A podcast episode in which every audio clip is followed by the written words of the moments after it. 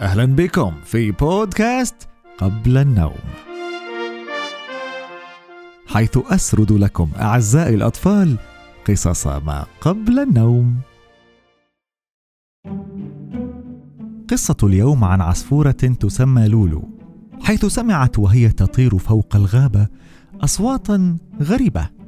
ماذا كانت؟ سنرى. وحتى نبدأ القصة أتمنى أن تغلقوا عيونكم وتستمعوا لي وأنا أروي هذه القصة. سأعد إلى الثلاثة وأبدأ بسرد هذه القصة. واحد، اثنان، ثلاثة. استيقظت العصفورة لولو باكرا وهي تغرد وتطير عاليا فالجو دافئ والسماء زرقاء صافية طارت لولو إلى أصدقائها العصافير مسرعة لتوقظهم من النوم. هيا هيا استيقظوا إنه يوم مشمس وجميل. قالت العصافير بصوت منخفض من شدة النعاس. حسنا يا لولو نحن جاهزون. هيا بنا. طارت العصافير جميعا عاليا وحلقت فوق أشجار الغابة وراحت تلتقط الحب والفاكهة على امتداد الطريق.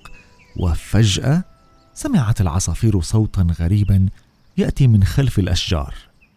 أخيرا وصلنا لهذه الغابة. أين سنذهب الآن؟ هذه الطريق. أكره حياتي.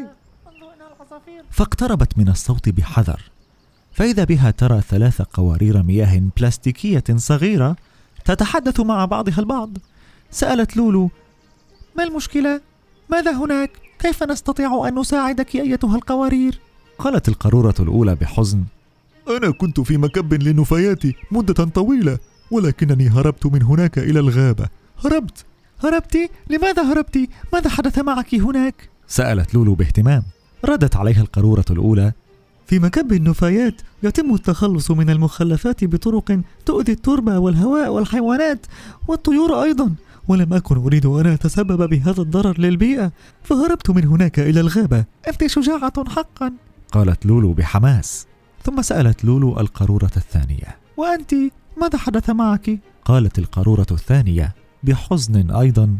وأنا كنت أسبح في المحيط منذ أسابيع وفي كل يوم أحاول أن أهرب من الأسماك والطيور البحرية التي تحاول أن تأكلني باستمرار فهربت أيضا إلى هنا. فأنا لا أريد أن ألوث مياه المحيط أو أن أتسبب في قتل الحيوانات البحرية والطيور. قالت لولو. من المؤلم حقا أن تموت الكائنات البحرية والطيور بسبب التلوث. وحي شجاعتك يا صديقتي. ثم سألت لولو القارورة الثالثة وأنت؟ ماذا حدث معك؟ ردت القارورة الثالثة بحماس. أنا كنت في حاوية إعادة التدوير في أحد المراكز التجارية في المدينة ولكن أحد الأولاد الأشقياء ضرب الحاوية بقدمه بقوة فوقعت على الأرض وطرت في الهواء إلى هنا ولكنني كنت سعيدة هناك فسوف تتم إعادة تدويري إلى منتجات جديدة ونافعة. كالطاولات والكراسي والأحذية والملابس ولن أتسبب بتلوث البيئة. لذلك سوف أعود إلى حاوية إعادة التدوير مرة ثانية. إذا ساعدتني أيتها العصافير. قالت لولو باهتمام دعوني أفكر قليلا. كانت القارورة الأولى حزينة عندما كانت في مكب النفايات وكانت الثانية حزينة أيضا عندما كانت في المحيط والقارورة الثالثة كانت سعيدة. وهي في حاوية إعادة التدوير حسنا ما رأيكن في أن تذهبن جميعا إلى حاوية إعادة التدوير؟ سوف نحملكن أنا وأصدقائي العصافير بمناقيرنا الصغيرة ونوصلكن إلى أقرب حاوية لإعادة التدوير.